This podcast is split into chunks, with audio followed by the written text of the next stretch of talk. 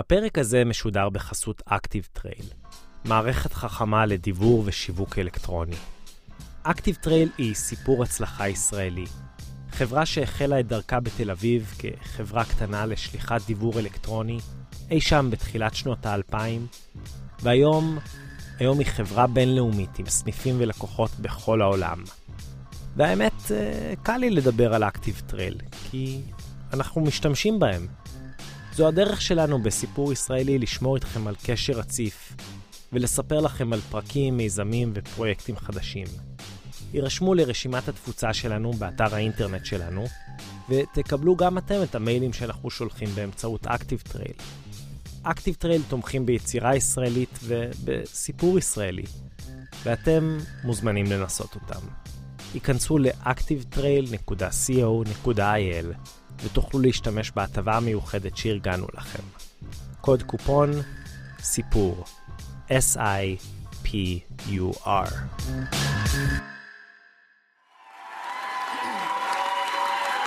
Thank you. Thank you. Thank you. Thank you so very much for being here. Um, last night, I congratulated Donald Trump and offered to work with him on behalf of our country. קלינטון היא מאוד מאוד אקרבית ממה שאני ראיתי את המפה שלה. היא פועלת בהחלט בצורה כזאת אקרבית, וגם הצורך שלה לשלוט ולהיות שליטה, למרות שהיא כבר הייתה אשת הנשיא וכל זה, זה גם מאוד מאוד אקרבי. חייבת, גם היא חייבת לשלוט. זה משגע אותה שרק הוא שלט. זאת מרים. אני מרים בנימיני, ואני עוסקת באסטרולוגיה. באתי לבקר אותה בדירה שלה בירושלים, הרבה לפני שהילרי הפסידה בבחירות לנשיאות. אבל לא הייתי שם כדי לדון בפוליטיקה אמריקאית, אלא במשהו אחר. משהו אחר לגמרי. מה זה מזל הקרב? הקרב הוא אדם המאוד מאוד מעמיק, שזוכר הכל, ואם מישהו עושה לו משהו טוב, הוא לעולם לא ישכח אותו. אם יש מישהו שהוא שלו, אז הוא שלו עד הסוף, והוא חייב לשלוט בו ולהיות בו בעל הכוח. אבל בתור בן אדם, הוא אולי הדמות הכי מורכבת שאפשר למצוא בגלגל המזלות. יש לעקרבים משהו אפל קצת, משהו מסתורי, משהו שאתה לא יודע בדיוק לפענח. אז למקרה שטעיתם, ואני בטוח שטעיתם, מי הם אותם יחידי סגולה מתוסבכים שאיתרע מזלם להיוולד בין ה-24 באוקטובר ל-22 בנובמבר? אז הנה, בנוסף להילרי, רשימה רנדומלית לחלוטין, וגם, איך לומר, קצת רשימת 90's. יש לנו ככה, יש את אברי גלעד, דן שילון ויוסי שריד, ז"ל, ועופרה חזה, גם ז"ל, ויש פיקאסו, הצייר, וג'וליה רוברטס, השחקנית, ג'ודי פוסטר, דמי מור, יש לנו עוד ליאונרדו דיקפריו. אצלנו גם היה ספר ריבלין. יש זהבה בן, יוני רכטר, ריכטר, רכטר. יש לנו עוד מרדונה, פלה, פיני גרשון, רוני דניאל וצופית גרנט. זהו, מספיק. ומה משותף לרוני דניאל, פיקאסו ועופרה חזה? התכונה הבולטת ביותר זה החשדנות. הצורך להגן על עצמם, העמדה הזאת כלפי החיים, שאתה עומד במסתרים ומתקיף. כן, אף אחד לא רואה אותך, זה, זה הקרב. כן, אתה לא... יושב הקרב בחדר, אתה לא יכול להיות שקט. מאיזשהו מקום תבוא העקיצה. אז בעצם לקרבים יש הרבה משותף, במשותף עם החיה, עם הקרב? הייתי אומרת, הייתי אומרת שבהחלט זה מתאר אותם, כן.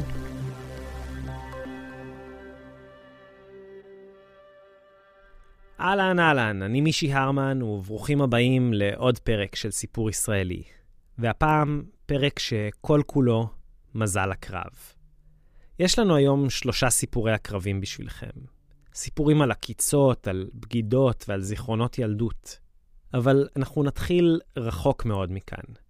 כשהקלטנו את סרגי ברנוב, הגיבור של הסיפור הראשון שלנו, הוא היה איפשהו בנובה סקושה, חצי אי בקצה המזרחי ביותר של קנדה. אבל הסיפור שלו? הסיפור שלו מתחיל בעיירת שדה באוקראינה, במערב אוקראינה, בחמלניאצקי, לשם דיוק. פשוט אה, עיר אה, רגילה כזאת. זה לא משהו ש... איפה אתה רואה תיירים? לא, אין שום דבר מיוחד. אה, זה, זה כמו חיפה. הסיפור של סרגי מלא בפרקים שונים, וכל אחד לוקח אותנו למקום חדש בגלובוס. מחמלניאצקי לכרמיאל בגליל התחתון, ומשם לתחנה המרכזית בתל אביב, לקליפורניה השמשית וליערות הגשם של פרו. מערכה ראשונה, השאמן. הנה יוחאי מיטל. יהודי באוקראינה. קוראים לי סרגי ברנוף. נולדתי באוקראינה בשנת 1976. אני, אני זוכר את עצמי ילד uh, מאוד צבעוני, ילדות מאוד צבעונית. הרבה זמן בחוץ, ואופניים, וכדורגל, ומשחקים, uh, you know, אינ, אינדיאנים, ו-20 שנה אחרי זה, האינדיאנים הפכו להיות חברים שלי. האינדיאנים אמיתיים. אתה בא מבית אה, יהודי? כן, כן, לזה... כן. יהודי אה, במקור, איך אומרים. היה לזה משמעות? אה, זאת הייתה בעיה גדולה, זה בטוח. כי להיות יהודי באוקראינה, זה המקום הכי גרוע שאתה יכול לתאר לעצמך להיות יהודי. רק שתבין את התמונה, הניים של העיר שלי, זה, זה שם המשפחה של בן אדם שהרג הרבה יהודים.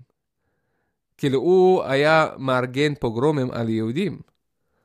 אז השם שלו זה השם של העיר שאני נולדתי. לא, זה לא תיאוריה, זה אמיתיות. אתה חי עם כזה סטיגמה, אתה יודע, שאתה... אתה לא בן אדם נורמלי, אתה יודע, אתה יהודי, אתה לא... אתה לא חי חופשי.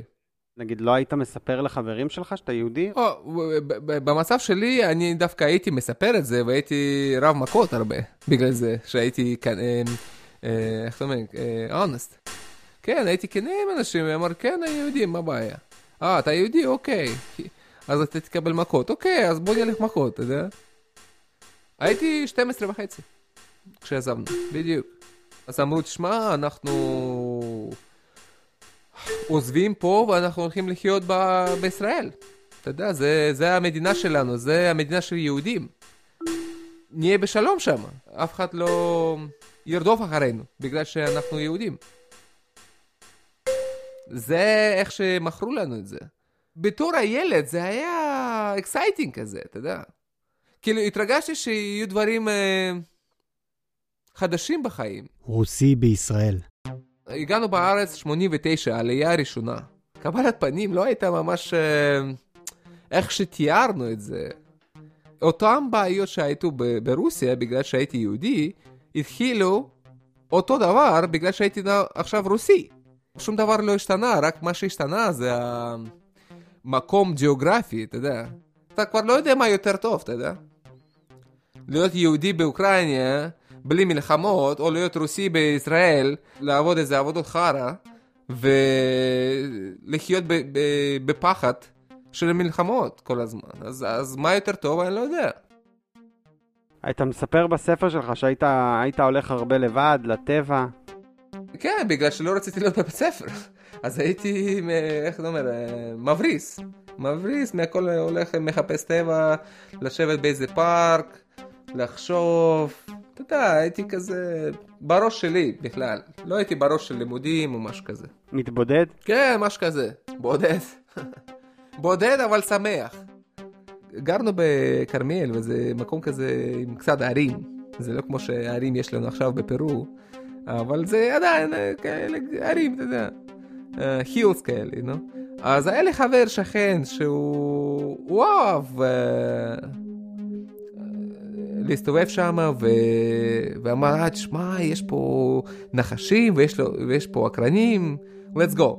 אז הייתי הולך איתו והיינו מחפשים את זה, מתחת ליוונים. ואז הבאתי כמה הביתה. מה כל כך עניין אותך בעקרבים עד שהבאת אותם הביתה? לא יודע, הם היו כאלה מפחידים, אתה יודע, מפחידים, ואמר, וידעתי שיש להם את הוונום, והם אה, מסוכנים, וידעתי את זה. אז אמרתי, לא יודע, אני פשוט אה, אה, נמשך עליהם somehow. אז הבאתי הביתה. זה שלוש, ארבע, אני לא זוכר, אבל אה, משהו, היו לי כמה. ואז הלכתי החוצה כל יום uh, בשביל להאכיל אותם, אתה צריך ללכת לגראס הופרס, and you know, אינסקס, uh, מה שאתה יכול uh, למצוא ב, בחוץ, זה מה שהם אוכלים. ואז הייתי מסתכל איך הם הורגים אותם ואוכלים אותם. זה היה הפאנס שלי כזה. אתה שם את זה שם, הם רבים, ואז אתה... זה לוקח שנייה להכניס ונום. לאיזה גראס הופר, and that's it, he eats that. 20 שנה אחרי זה, אני נהייתי גראס הופר. אני נהייתי את האינסק שרצו לאכול אותי. אני הבנתי מה זה, מה זה להיות הוויקטים הזה. דפוק וזרוק בתחנה המרכזית. היו לי שאלות כל החיים שלי. שאלות גדולות כאלה, אתה יודע, מאז שהייתי ילד בן חמש הייתי כבר שואל על החיים, על המוות, על דברים כאלה. הגעתי לאיזה שלב שהתחלתי לחפש את התשובות. זה גם הגיע באותה תקופה שהתחלתי להשתמש בכל, בכל מיני סמים. ואני מדבר על סמים כבדים ודברים ממש לא טובים. מה שאתם uh, קוראים בארץ קוק פרסי, אני לא יודע מה זה, אולי זה הרואין, או... אבל זה משהו שאתה יכול להזריק את זה, אתה יכול להסניף את זה, אתה יכול, אתה... מה שאתה רוצה, אתה יכול לעשן את זה גם. הייתי צעיר בן 17, והייתי, התחלתי לנסוע עם אנשים, כל מיני אנשים שהם לא, אתה יודע, אנשים בפשע כאלה, וזה לא היה, זה לא היה כאילו הסביבה שלי, כאילו אני לא, אף פעם לא אהבתי אותם, אבל זה, זה, זה, זה, הסביבה שאתה מכניס את עצמך כשאתה מתחיל עם הדברים כאלה. כאילו אין פה, זה לא, אתה לא פוגש uh, uh, בודהיסטים כאלה יושבים בתחנה מרכזית ומזריקים הרואין.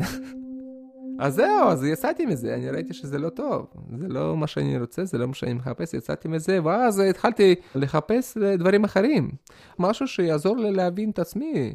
ואז עזבתי הכל, והלכתי לארה"ב, כי מצאתי כלי רוחני, וזה היה fourth way, אתה יודע, הדרך רביעית. חמור עבודה בכת בקליפורניה.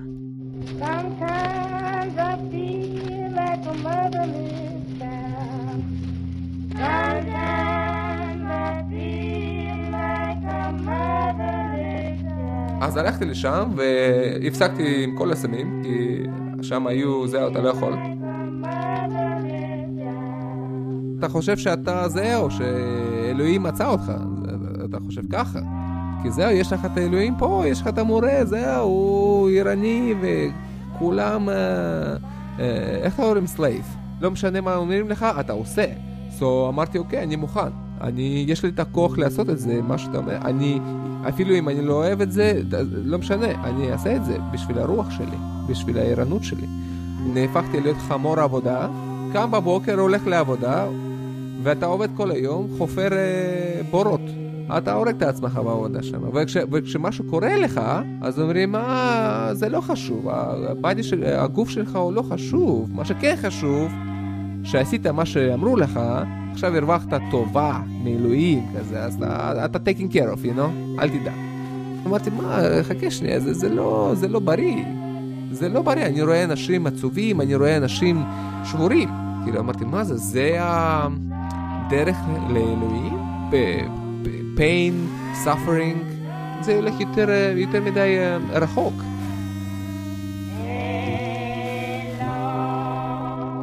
אז זהו, התחלתי לחשוב ולעזוב את המקום הזה, ו... אבל הייתי נשוי שם, והאישה שלי הייתה, אתה יודע, long time member, ויש, בקולט, אם אתה עוזב, כולם, כולם צריכים uh, uh, לעזוב אותך ולא יכולים לדבר איתך אף פעם.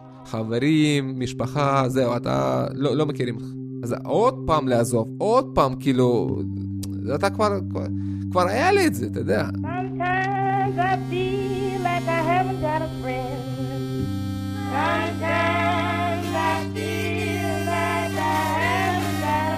אבל אמרתי לא, זה, אני, לא, אני לא רוצה לחיות בשקרים האלה, וזה לא, אני לא מסכים עם שום דבר, וזה הכל אגלי, וזה זה, זה מספיק.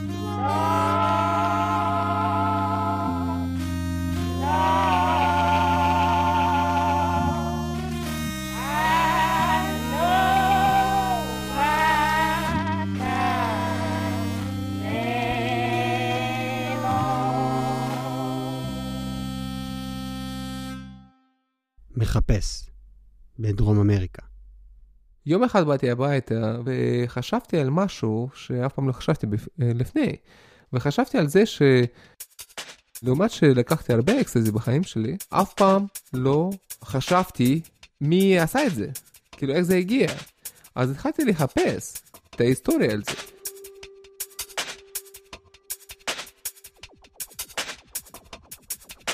ומצאתי שזה אלכסנדר שולגין, זה ביוקמיסיס, אה, רוסי, שחי בארצות הברית.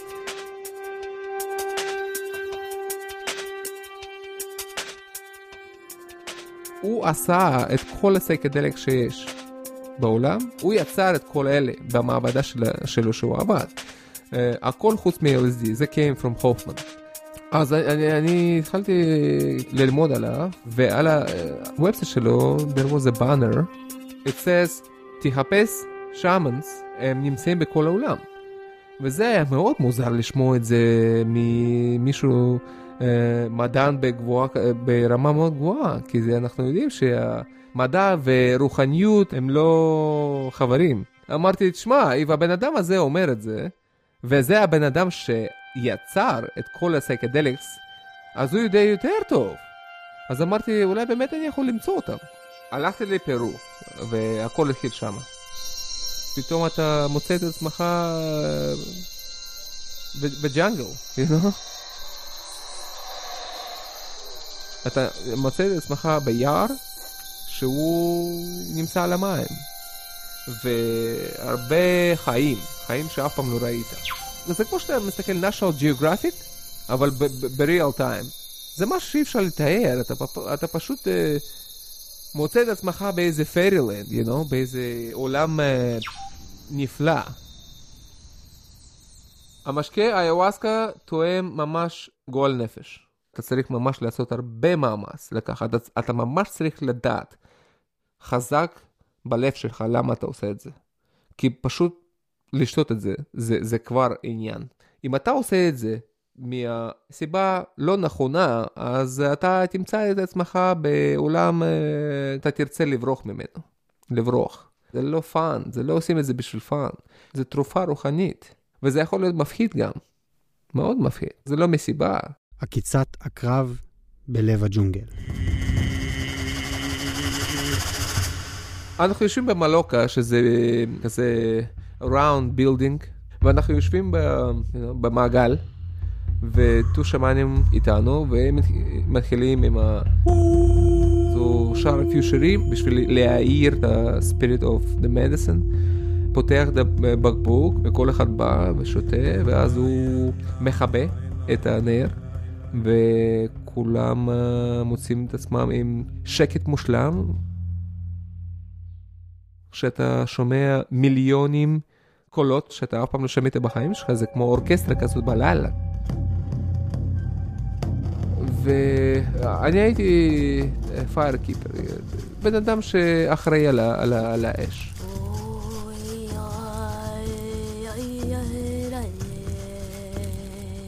העבודה שלי היא שיהיה לנו אש כל הלילה.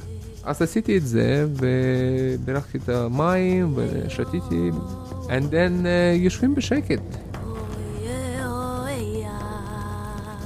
אולי 15 דקות, maybe 20 דקות אחרי זה, אני הרגשתי שמשהו, עקצתי בשני הצדדים, maybe שתי סנטימטר uh, מתחת לג'ניטלס שלי, know? לא יודע את המילה הזו. רגליים, אתה יכול להגיד פשוט, זה לא משנה כל כך.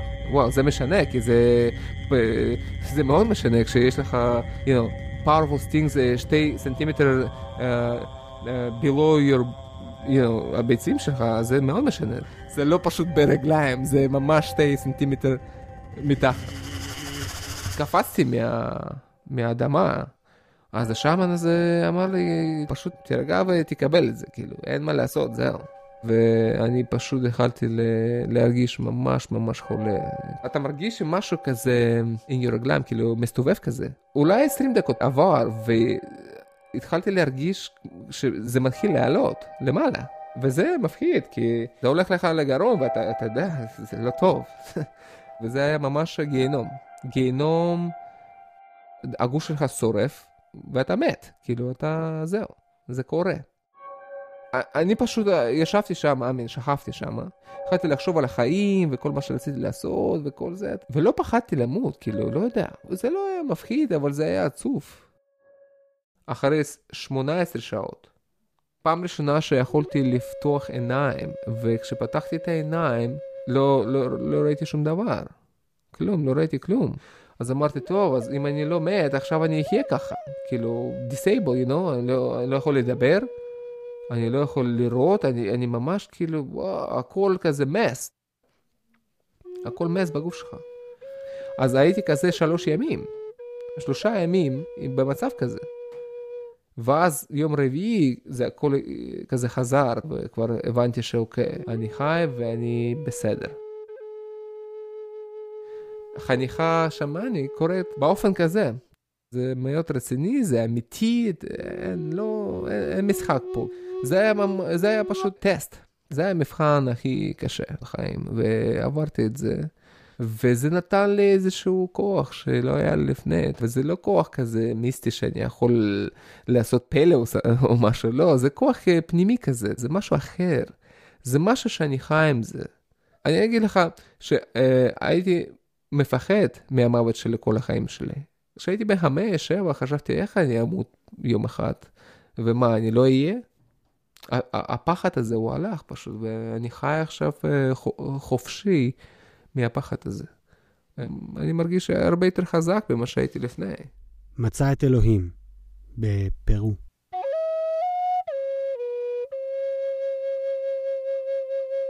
וואצ'ומה זה השם המקורי של הקקטוס סן פדרו.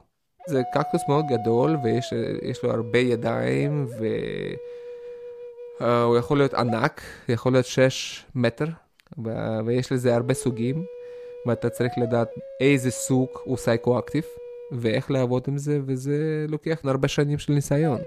אתה בונה יחסים עם הרוח של הקקטוס. זה כמו relationship, זה כמו marriage. ואז אתה לומד איך לעבוד עם זה, ואז אתה יכול להביא אה, את עצמך ואנשים למקום מאוד יפה. מקום מאוד יפה וקדוש. אהבה, שלום, ידע ו kindness, חמלה, זה הרוח של הקקטוס. אני בא מהמשפחה האתאיסטית. אנחנו באים מהמקום שאין אלוהים, אתה יודע, לא מכירים אלוהים. ואז uh, במשך השנים שאני עובד עם סן פדרו, או חואצ'ומה, אני מצאתי את האלוהים שלי. בשבילי אלוהים uh, קיים, אבל זה לא מה שאנשים מתארים לעצמם. זה לא סקאי דדי, you know, זה משהו הרבה יותר אישי. אני מאמין בזה לא בגלל שאני קראתי על זה בספר, אבל בגלל שאני uh, חווה את זה. חווה את זה הרבה.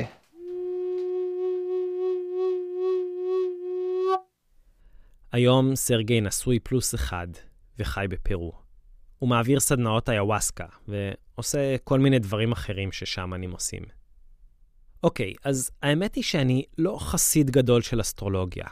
אני אף פעם לא קורא את ההורוסקופ שלי בעיתון. אבל כשהייתי אצל מרים בנימיני, האסטרולוגית שפגשנו בתחילת הפרק, אמרתי לעצמי שאם כבר, אז יאללה, למה לא? תגידי, את יכולה לעזור לי קצת להבין דברים על עצמי? למה לא? נתתי לה את תאריך הלידה שלי, ואפילו התקשרתי לאימא שלי לשאול באיזה שעה נולדתי. מסתבר שזה קריטי. אמרנו 21 ביולי, נכון? כן. התיישבנו ליד המחשב שלה, והיא פתחה תוכנה שנראתה קצת כמו מסוף נתונים בנתב"ג. מסך שחור, המון שדות שמתמלאים בפונט גדול וירוק. לפי זה, אתה אה, רגיש מאוד, זוכר הכל, לא שוכח שום דבר אף פעם משום גיל. אם מישהו פגע בך, אתה לא שוכח לו בחיים. יש לך לב מאוד טוב, מאוד רגיש, מאוד אה, אכפת לך מאחרים ואתה עוזר. אני חייב לומר שהייתי די סקפטי לגבי כל העניין. אבל אז מרים אמרה משהו שידעתי שהוא נכון. מאוד קשור לבית, ויש כאן דמיון לאבא, והאבא הוא מאוד חשוב בחייך. אה, סרטן זה המודעות להורים, למשפחה, לבית, לכל מה שהוא גם שלי ועוטף אותי וגם מגן עליי. אז עם תחושת חרדה קלה, ביקשתי ממנה תחזית לעתיד. אתה נשוי כבר? לא, עוד לא. זהו, כי הנישואים שלך מאוחרים. ממש רואים את זה. יש צפי? אה, צפי, בוא נראה. אני אשמח לדעת. מה שאני רואה פה הכי קרוב, הוא מתייחס לשנת 17, אה, 2017. אז בין אם אני אתחתן ב-2017 או לא, אני מאוד מאוד מקווה שהחתונה שלי לא תכלול צנע דומה לזו שעומדת במרכז הסיפור הבא שלנו. הסיפור הזה נכתב על ידי דיוויד רייקוף, סופר וסאטיריקן ניו יורקי שנפטר לפני ארבע שנים. הוא כתב הרבה סיפורים שהפכו ללהיטי רדיו ב-This American Life, כולל הסיפור הזה, שבמקור נקרא Speak Now or Forever Hold Your Peace. לפני בערך שנה, אחד המאזינים שלנו, אורן לוטן, פנה אלינו ואמר שהוא תרגם את הסיפור של רייקוף לעברית. אז הרי לכם, מערכה שנייה, המברך, בקולו של המתרגם עצמו, אורן לוטן.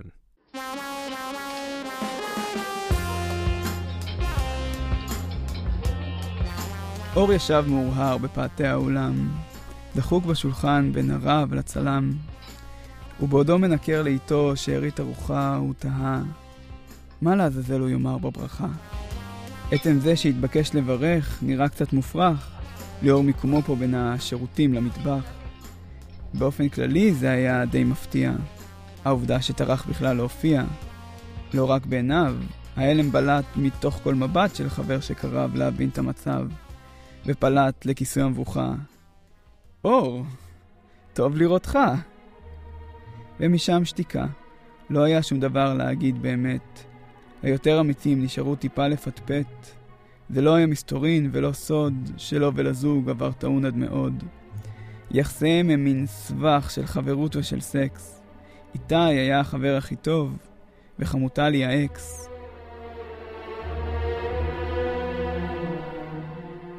לתקופה לא היה יכול ללכת רחוק, בלי להיות מושא לרחמים או לצחוק. אור המסכן הפך להיות שמו השני, באמת. אז הוא הופיע הערב רק כדי להראות שהוא עוד חי ובועט. למרות שההזמנה התאחרה, כאילו היה נספח שנשכח. ולאור לא דרושה הוכחה מעבר לכך שהוא צריך רק לשרוד את הערב הזה המקולל, ואחריו לא יראה שוב את איתי וחמוטל. אחותו של איתי דיברה, מקשקשת על כלום. אור שלף דף ועט לעבוד על נאום. אתמול הוא חרש את ספרי השירה, לגנוב חרוזים או איזו אמרה, משהו נחמד ולא מתיימר, ברכה פשוטה, כמו היה סתם חבר. וכל זה לשווא, שום דבר לא נכתב, חוץ מהוראה אחת, גדולה וברורה.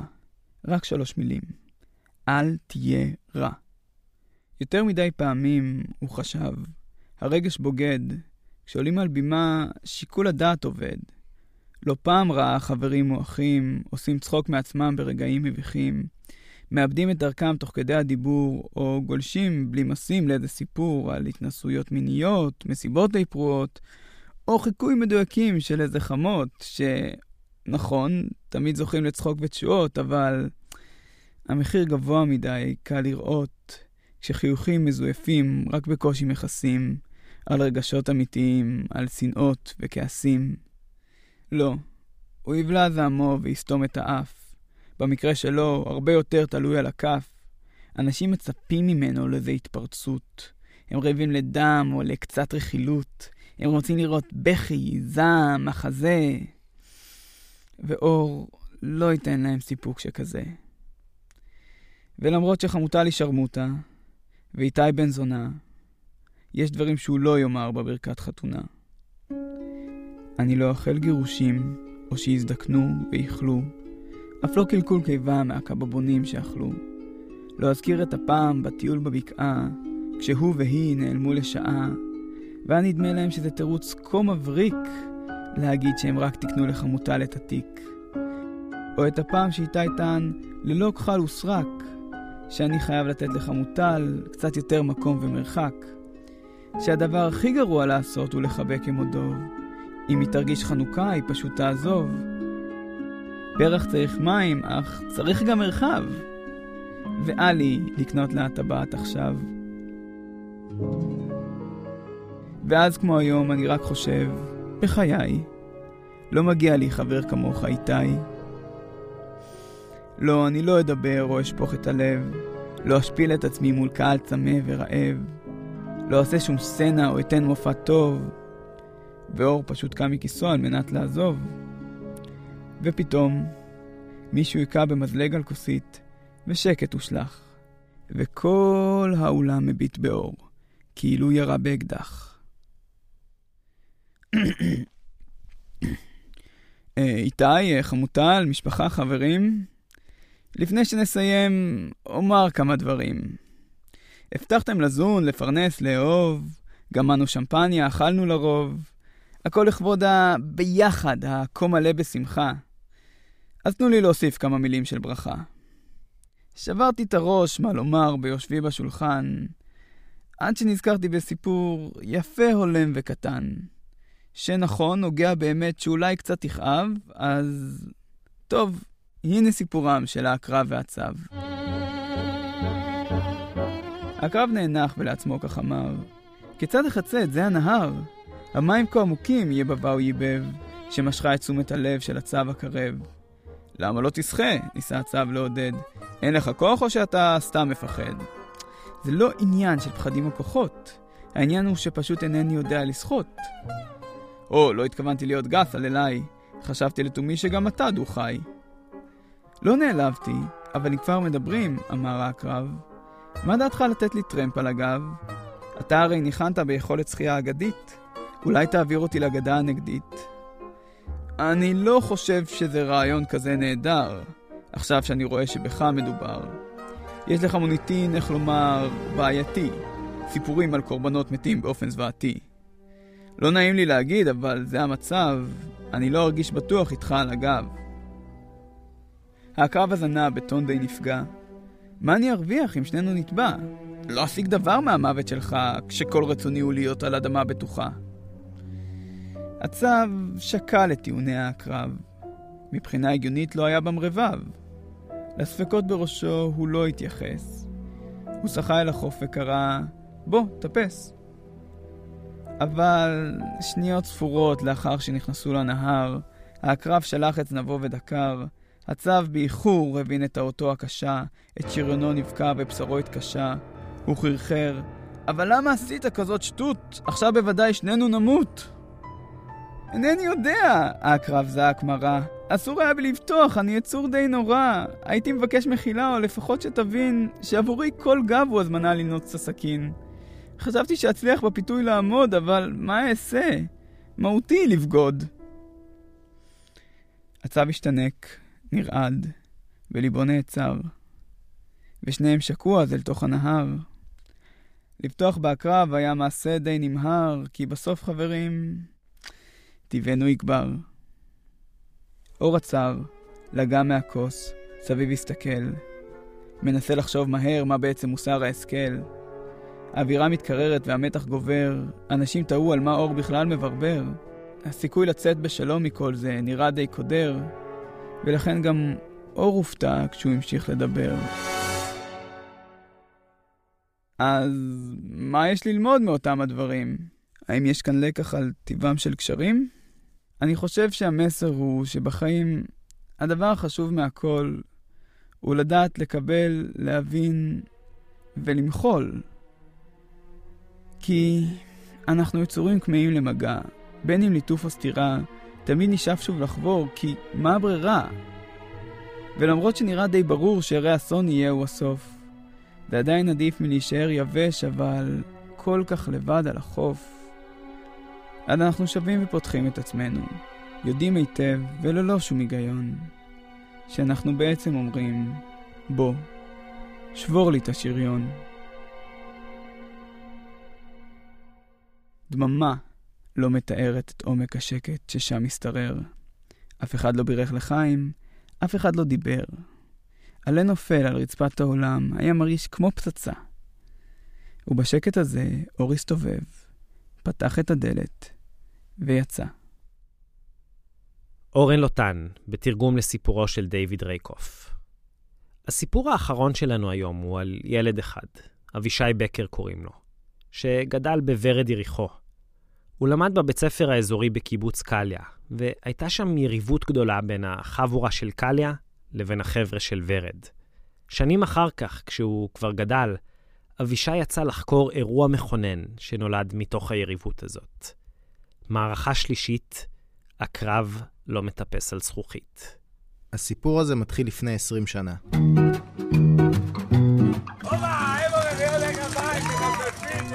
בפינת החי של קיבוץ קליה, קיבוץ בצפון ים המלח. הוא נעקץ ממשהו, דודו.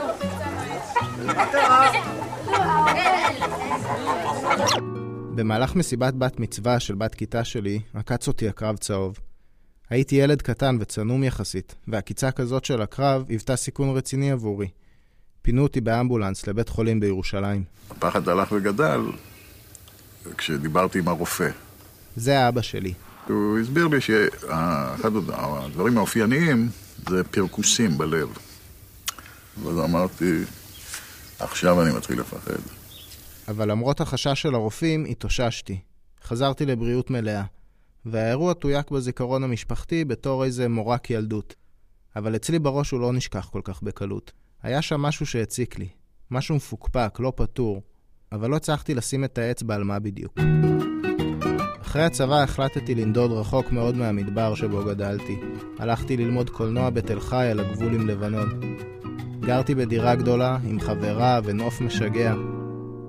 אבל אז האהבה דעכה, נפרדנו והחלטתי להתרחק ולעזוב למרכז.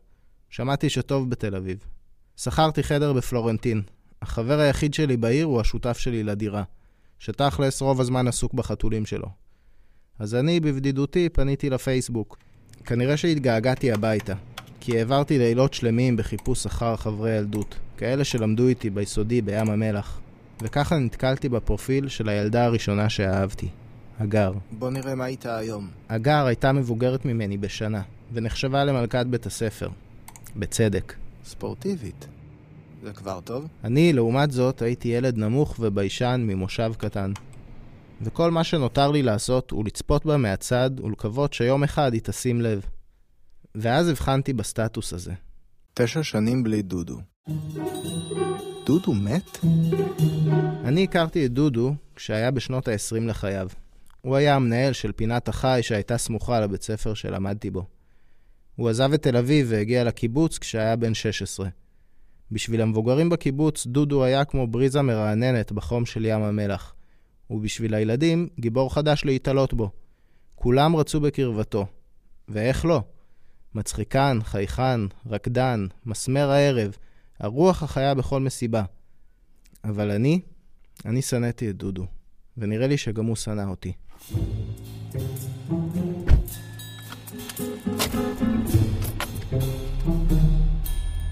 הידיעה על מותו של דודו ניערה כל מיני זיכרונות, העלתה חשדות ישנים. החלטתי לנסות לרדת לסוף העניין פעם אחת ולתמיד.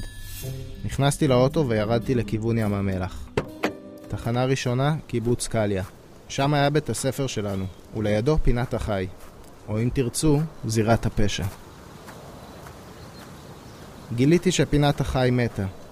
חוץ מכלוב אחד שבו קרקרו כמה תרנגולות שהתאילנדים גידלו, כל השאר זה כלובים ריקים וחלודים, דליים שבורים ומלא זבל מסביב. קשה לומר שזה מעציב אותי. בתור ילדים היו לנו כאן שעתיים שבועיות של האכלה וליטוף, ודודו, הוא היה אחראי על המקום. הוא היה זה שקובע באיזה כלוב כל אחד מאיתנו יעבוד. היינו מתחלקים לזוגות, ואני תמיד הייתי עם מתן, חבר מהמושב. איכשהו תמיד יצא שאני ומתן קיבלנו את הכלובים המבאסים. לעומתנו, הילדים מקליה קיבלו את הכלובים הכיפים. בזמן שאני ומתן פינינו חרא של חזירים, או ניסינו להאכיל את התיש העצבני בלי שינגח בנו, החבר'ה של קליה טיפלו באפרוחים, ליטפו ארנבות, ניסו ללמד את התוכי מילים חדשות. הייתי מביט מתוך הכלוב אל הדשא ורואה איך כל הילדים מהכיתה יושבים סביב דודו וצוחקים מהבדיחות הלא מצחיקות שלו. תחושת הנחיתות שהמקום מסמל בשבילי נדחקה הצידה ברגע שזיהיתי את השובח. פתאום הציפו אותי זיכרונות. זיכרונות ממסיבת בת המצווה של הגר. עכשיו נראה את ורד יריחו. דן נגד אבישי. יאללה, פדלון! הוא נעקץ ממשהו, דודו. קשה לתאר את הכאב של עקיצת הקרב צהוב. בהתחלה זה כמו דקירה חדה. לחצתי חזק על קצה האצבע, אבל זה לא עצר את הכאב מלהתפשט לכל אורך היד ומשם לשאר הגוף. אני זוכר שלא הצלחתי לעמוד. נפלתי לרצפה, שמעתי את קולו של דודו מכריז, חבר'ה, יש כאן הקרב צהוב. ואז אמבולנס, עם אמא ואבא. מאוד זכורה לי השיחה שלי איתך כשאתה שכבת בבית חולים ביום הראשון או בלילה הראשון. זה אבא שלי שוב. ושאלתי אותך אם אתה יכול להגיד לי מה אתה מרגיש, איזה סוג של כאב. ואתה לא הצלחת לתאר לי את הכאב הזה. ברור שביום קרות האירוע לא העלינו על דעתנו בכלל שיש אפשרות שמישהו שתל את הקרב בתוך הצנצנת. לימים, כשהתברר לנו הנסיבות, וכאן בעצם כל הסיפור הוא נסיבתי, והתברר שלמשל אה, הקרב לא יכול לטפס על זכוכית, חד משמעי. זאת אומרת, הבנו שהקרב לא נכנס לתוך הצנצנת באופן עצמוני, באופן עצמאי, אלא מישהו לקח את העקרב הזה ושם אותו בתוך הצנצנת. כמו כל בלש טוב, החלטתי לאסוף עדויות. התחלתי מהגר. ביקשתי ממנה לפגוש אותי בפינת החי. וואו, מה זה? חשבתי שלהחזיר אותה לזירת האירוע, יחדד אולי את הזיכרון שלה. היי. מה שלומך? לא הייתי מזהה אותך, האמת. ברחוב, סתם ככה. וואלה. כן. נראית נהדר אבל. תודה. הייתי מזהה. אני לא זוכרת כלום. אני, אני זוכרת מהבת מצווה הזאת רק את הכניסה המטופשת שלי שהייתה עם אופנוע. וואלה. כן. ואני זוכרת שיושבים פה, ואני זוכרת פדיחה שאיתמר כנען עשה עם איזה מתנה שהוא הביא לי לבת מצווה. הוא גנב לאחותו את הבושם, והביא לי אותו מתנה, ואז היא באה ורצתה אותו, ואז אני זוכרת את הקטע עם הביצה. ותמיד כשמזכירים את השם אבישי בקר, זה אוטומטית אצלי הבר מצווה והקרב ו- וכל הסיפור הזה. אם אה, כשאת שומעת אבישי בקר אז זה מזכיר לך את זה, אז אני שומע הגר ישראלי, אז זה אני... לא. אה, זה לא? מזכיר לי את הבחורה הכי יפה בבית ספר. אז זה זה לא... זה לא, זה לא זה לא. זורק אותי לשם. כאילו זה ממש שם, אבישי בקר זה זה, כאילו אין עוד...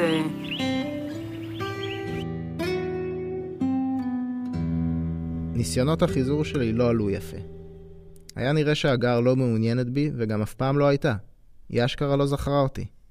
זה ביאס, אבל אפשר לי להתמקד בחקירה. איך את זוכרת את הצנצנת, כאילו? מה את זוכרת? זו הייתה צנצנת שקופה כזו עם אה, אה, עיטורים כזה, אה, בליטות. וזהו, ואת הביצה. אני זוכרת את זה בדיוק. אני גם זוכרת מה אמרת באותו רגע, האמת. מה? אתה חשבת ששמנו לך משהו בפנים ושאלת מה שמתם לי פה? באותו רגע? כן, חשבת שכאילו מישהו עבד עליך, שמנו לך משהו, עד שהבנת שלא. וואו. כן. אין לי אומץ לומר להגר מה אני חושב באמת. שהקרב לא היה שם במקרה. שאני משוכנע שדודו החביא את הביצה בידיעה שיש שם הקרב. שדודו רצה שאני אעקץ. אז הלכתי לפגוש מישהי שאני ארגיש הרבה יותר בנוח לדבר איתה על החשדות שלי. מישהי משלנו, מישהי מוורד יריחו. סמדר. אני זוכרת מעגל של ילדים עם איזשהו משחק חברה, לא זוכרת ככה לפרטי פרטים. יש משחק בתוך המעגל הזה, שנבחרים שני ילדים לשחק אותו, מתוך כל הילדים שנמצאים שם. וזה למצוא ביצים. מצא את הביצים. החביאו כמה ביצי תרנגולת בפינת חי, והמטרה של שני המתמודדים, בתוך שלוש דקות למצוא כמה שיותר ביצים. זה אחד נגד השני. והילדים שנבחרים למשחק הזה זה אני ומתן. על ידי מי אנחנו נבחרים? אני זוכר דודו. מה שקרה בהמשך של אותו משחק זה שאני ראי, ראיתי ביצה בתוך צנצנת זכוכית, ופשוט הכנסתי את היד פנימה כדי לקחת אותה, ואז חטפתי עקיצה ביד. אני גיליתי לאחרונה שהקרב הוא מטפס מעולה, אבל על זכוכית הקרב לא יכול לטפס. לא, בלי שתגיד את זה, זה נשמע במתכוון. נשמע כמו כאילו תעלול לא מצחיק של מישהו. מי את חושבת שאני יכול לחשוד? מה, שעשה את זה?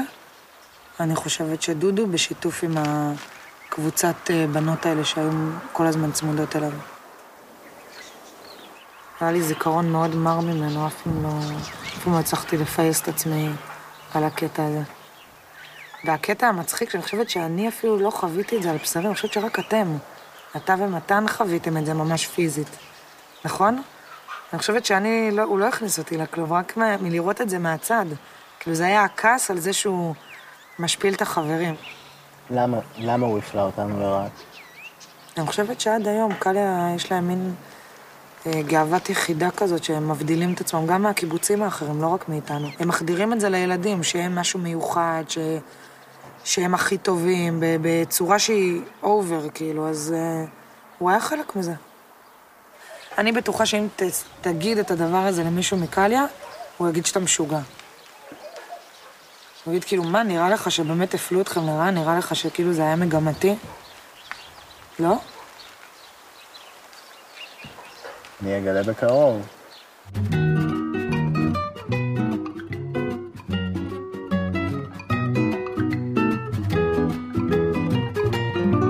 דודו לא... לא חושב על דברים כאלה, אני בטוח. לא חשב על דברים כאלה. האפליה של זה לא נראה לי? הגיע לאפליה, זה לא... דודו לא... העדפה יותר נכון. אלה איתמר ונועה, חברים מהכיתה, בני קיבוץ קליה. אם הייתם uh, צריכים לתאר את דודו, נגיד, במשפט או שניים, האבא השני שלי. מה, הוא גידל אותי, אם אבא שלי פה בבית, מחוץ לבית, זה דודו. כל, כל אחד בקיבוץ אהב אותו, אין פה מי שלא אהב את זה דודו.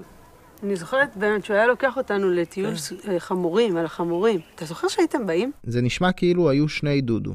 דודו של קליה ודודו של ורד יריחו. אבל עדיין היה לי קשה להאמין שילדי קליה לא זוכרים את האפליה. החלטתי לחדד את השאלות שלי. הבנתי אותך, הבנתי לאן אתה חותר. תשמע, יש בזה משהו. אני אגיד לך את האמת, מה שאני מכיר את דודו, אני זוכר מדודו, אתה יודע, הוא לא אכפת לו יותר את זה, בטוח הוא פרגן למישהו יותר אוהב. אם זה היה בשביל לתקוע אתכם בחייבר או דברים כאלה, אני לא בטוח, אבל... אה, אבל היה נראה לי שנה שאתה ו... אתה ומתן האכלתם את החייבר, וכולם ככה סיימו להאכיל, ואתם צריכים כל פעם ללכת עד החציר, להעמיס את המריצה, ולהעלות את המריצה מעל הגדר, שזה היה סיפור. והוא היה ככה עומד עם כולם ומסתכלים עליכם, ואתם ככה עובדים קשה, ו... אבל לא, לא בטוח שזה היה בכוונה לעשות לוורד. קליה ורד... אה, אז איזה עוד יודע. סיבה יכולה להיות לזה? לא יודע. דודו אהב אנשים פחות ואוהב אנשים יותר. אתה זוכר שהיה כאילו הגרלה? כאילו הגרלה? כן, היה בתחילת השיעור כאילו הגרלה.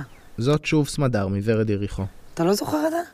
אז איך היו קובעים מי עובד באיזה כלוב? הוא לא היה יכול להגיד, אה, טוב, אתם כי אני שונא אתכם או משהו כזה. הוא היה עושה כאילו הגרלה. אה. ואני זוכרת, בגלל שהיה לי כאילו גם יחסים קרובים עם בנות מקליה, אז אה, הן היו דואגות לי, כאילו, אז הייתי הולכת איתם לכלובים הכיפים שהן היו מקבלות. אף פעם לא אכלת בפינת ליטוף, נכון? לא. איזה קטע שחוויות מגיל כזה כאילו מלוות אותך בהמשך החיים. מישהו אה, הנחה את הבת מצווה? כאילו מישהו היה צריך... אה, אני חושבת שדודו. זאת שוב הגר, כלת מסיבת בת המצווה המדוברת. לדעתי זה היה הקטע, שדודו עשה את, ה... את הכל. לדעתי דודו גם חשב על המשחקים, דודו ארגן את הכל.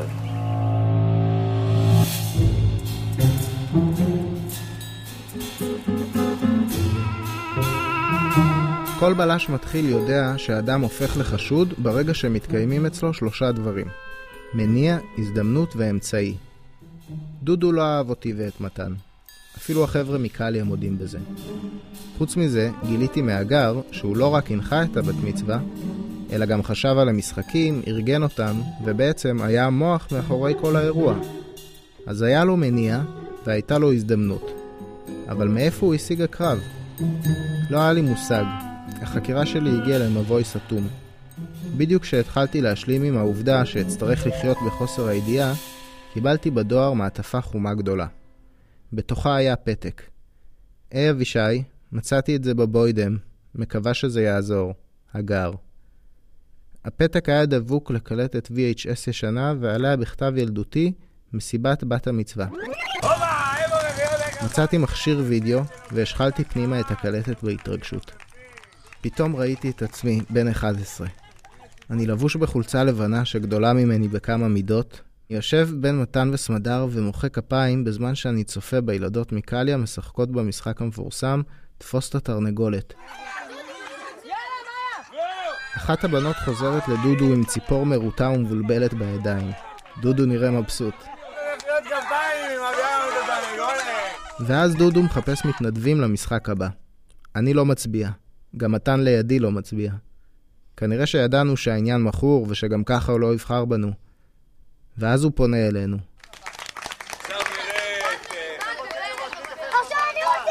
עכשיו יריחו.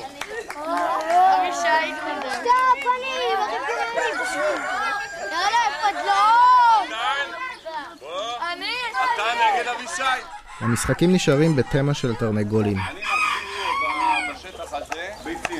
דודו עומד במרכז המעגל, מחזיק מגע של ביצים, בזמן ששני ילדים מקליה, מהחבורה של הגדולים, מכסים לנו את העיניים. את זה לא זכרתי בכלל. בינתיים דודו מפקח על הילדים מסביב שעסוקים בהחבאת ביצים. הגר מחביאה ביצה אחת בכלוב של הארנבים, איתמר מתחכם ושם ביצה בשרוול של המכנס, ויש עוד אחת שמחביאה ביצים. ראש מלא בטלטלים, אבל אי אפשר לראות את הפנים שלה, ואני לא יכול לזהות אותה. היא נראית גדולה מאיתנו. דקה וחצי. צוף. מי שיביא הכי הרבה ביצים. ואז רואים אותי יוצא מהמעגל, ניגש לכיוון השובח, מכניס את היד פנימה, ואז פתאום מתפתל על האדמה. הוא נעקץ ממשהו, דודו.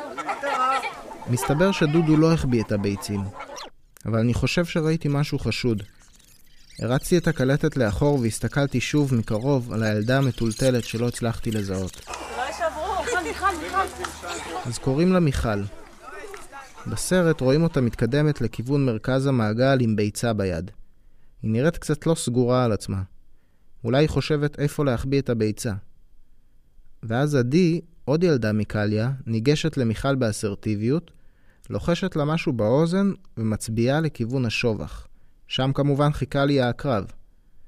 פתאום נזכרתי במילים שאמרה סמדר, חברה שלי מוורד יריחו. מי את חושבת שאני יכול לחשוד?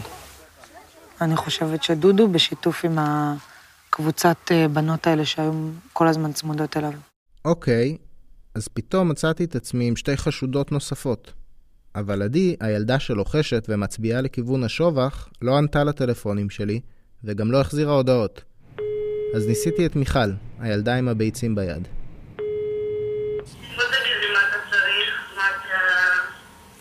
טוב, אני, אני אגיד לך למה בעצם אה, זה קשור אלייך. אוקיי. בדיוק, כן, זה באמת השאלה פה. נכון. אחד הנושאים המרכזיים זה מה שקרה בבת מצווה של הגר, ישראלי. אני לא יודע... דבר בבת מצווה של הגר של ישראל. אני נעקצתי שם אה, על ידי הקרב, וזה משהו שיש לי אותו בווידאו, שהייתי רוצה שתראי את, כי... כי יש שם כמה אנשים שאת אחת מהם שיכולים לשפוך אור על מה שקרה בדיוק, לפי מה שרואים בווידאו. וואו, אתה מה זה שם אותי פה בקטע? טוב. זה חשוב, אחרת לא הייתי מתעקש. אני לפחות מוארת שם באור חיובי. מיכל הסכימה לפגוש אותי. היא עדיין גרה בקיבוץ, אז קבענו להיפגש אצלה. אבל ביום שקבענו את הריאיון, היא החליטה לסנן אותי. עשיתי ברור קצר, וגיליתי שהיא עובדת במזכירות של קיבוץ קליה. כבר באתי כל הדרך, אז החלטתי לקפוץ, לומר שלום. שלום. היי, היי מיכל, מה קורה? בסדר. אבישי. אה, אתה אבישי. אבישי, אני לא נראה לי שאני בעניין. כן. אמ, ואם זה רק אה, לדבר? שאלה מה אתה רוצה לדעת, כי באמת, אני לא סתם אומרת לך, אני, אין לי שום זיכרון מהיום הזה. שום דבר, כלום. אה, אני חשבתי שהווידאו אולי יעלה בך איזה זיכרון מסוים. אז העליתי את הסרטון דרך הטלפון שלי, ותוך כדי שצפינו בו, נכנסה פתאום למזכירות אישה בת 40 עם שיער שחור אסוף מתחת לכובע גרב. לא הצלחתי לזהות אותה, אבל היה נראה שהיא מאוד מתעניינת בסרטון. היי. מי את בזה? אני אה, אלמנתו. אלמנתו? אלמנתו של דודו? מה הסיכוי שאני אתקל דווקא בה? לא יכולתי לפספס את ההזדמנות הזאת. אה, אני הייתי בבת מצווה הזו. אני עקצתי אז, אם את זוכרת.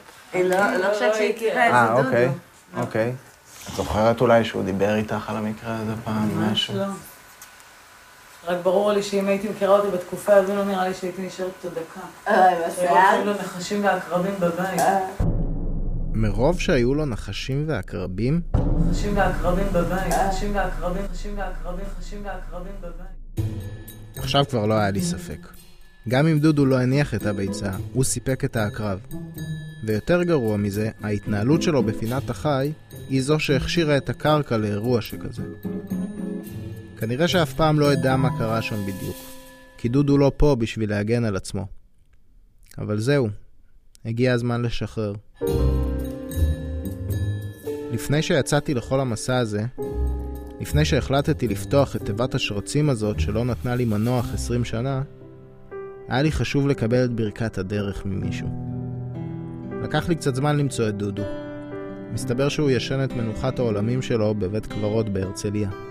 הסתובבתי איזה שעה עד שהבחנתי במצבה עם מגן דוד שחור צהוב, שמכוסה לגמרי צמחייה קוצנית, כל מיני קקטוסים כאלה. וידאתי שאין בסביבה עקרבים, נשכבתי לידו ושיתפתי את דודו בחשדות שלא עוזבים אותי. עדכנתי אותו שאני יוצא במסע לשאול שאלות. ביקשתי ממנו, דודו, אם יש לך איזושהי התנגדות, תן סימן עכשיו. דודו שתק.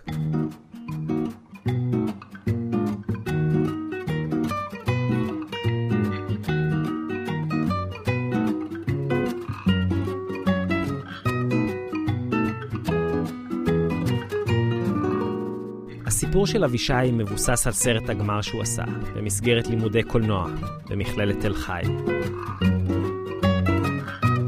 רותם מואב כתב את המוזיקה.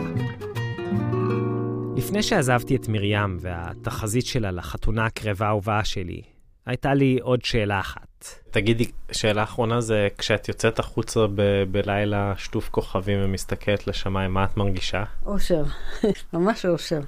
אין דבר יותר, יותר אה, יפה מזה. לא מרגיש לך כאילו את באה למשרד. וזהו, זה הפרק שלנו. צוות סיפור ישראלי כולל את רועי גילרון, שי סטרן, יוחאי מיטל, שגם הלחין וביצע את המוזיקה לסיפור של סרגי ברנוב, מאיה קוסובר, איתי היימן, דנה פומרני, רייצ'ל פישר, קייטי פולברמן ואיין לבר. תודה לנייתן ארליך, למשפחה של דיוויד רייקוף שנתנה לנו את ברכתם לשדר את התרגום של הסיפור שלו, לרותי גרוסמן היקרה, וכמובן לנותני החסות שלנו, Active Trail, מערכת דיוור משובחת שיש בה גם תמיכה ישראלית. אני מישי הרמן, וממני ומכל צוות התוכנית, היזהרו מעקרבים, ושלום שלום.